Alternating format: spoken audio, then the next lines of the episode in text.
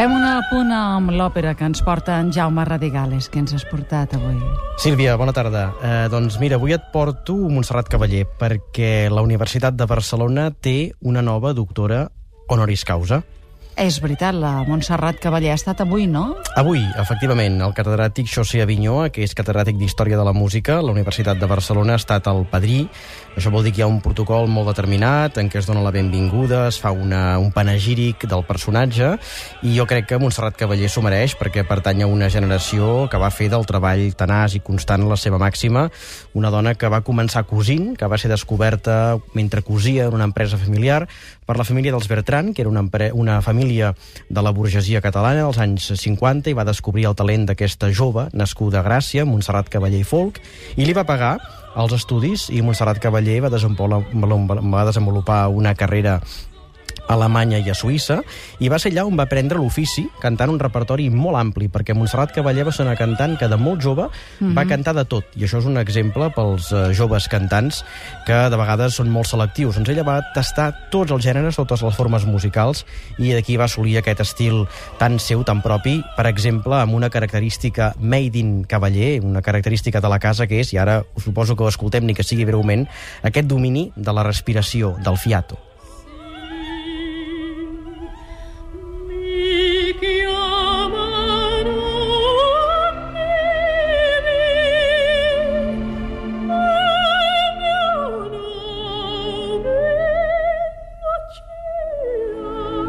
Clar, els que hi enteneu, destaqueu la respiració, però a nosaltres se'ns endú la veu, eh?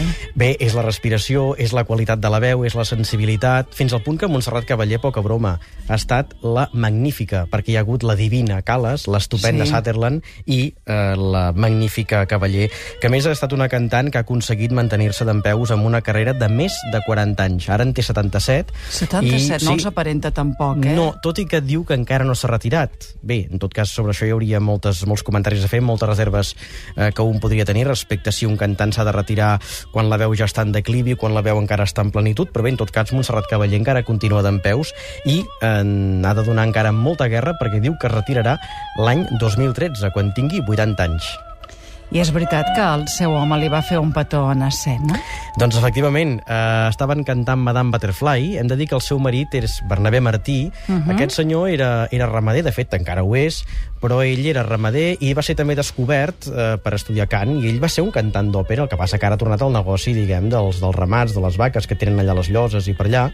Un home que ha fet negoci amb el bestiar, però que va fer una carrera com a cantant bastant notable, però va ser prou intel·ligent per veure que encara que ell era un tenor que es defensava, que estava bé, la bona realment era ella. I eh, una vegada, mentre cantaven junts Madame Butterfly, era, començaven a flirtejar i això, i sembla mm. que ell la va agafar, li va fer un petó d'aquests de pel·lícula oh. i van quedar enamorats per sempre. Oh, és bonic, eh, allà davant de, de tothom i a l'escenari. Aquests dies s'està fent anar volent al Liceu, l'has vista? L'he vista, Medite Gruberova, efectivament, eh, una òpera que precisament Montserrat Cavaller també va cantar al Gran Teatre del Liceu, perquè aquesta és una de les característiques també d'aquesta gran artista, que ha sigut una dona que ha recuperat, ha reexhumat molt repertori que estava oblidat. Quan Montserrat Cavaller va començar a fer, per exemple, òperes com Anna Bolena, pràcticament era una òpera desconeguda, això també li, li devem molt a Montserrat Cavaller en aquest Montserrat sentit. Cavaller és la mare de Montserrat Martí, en parlarem la setmana que ve o ja saps de què parlem la setmana, mm, setmana que ve? que ve parlarem de Parsifal.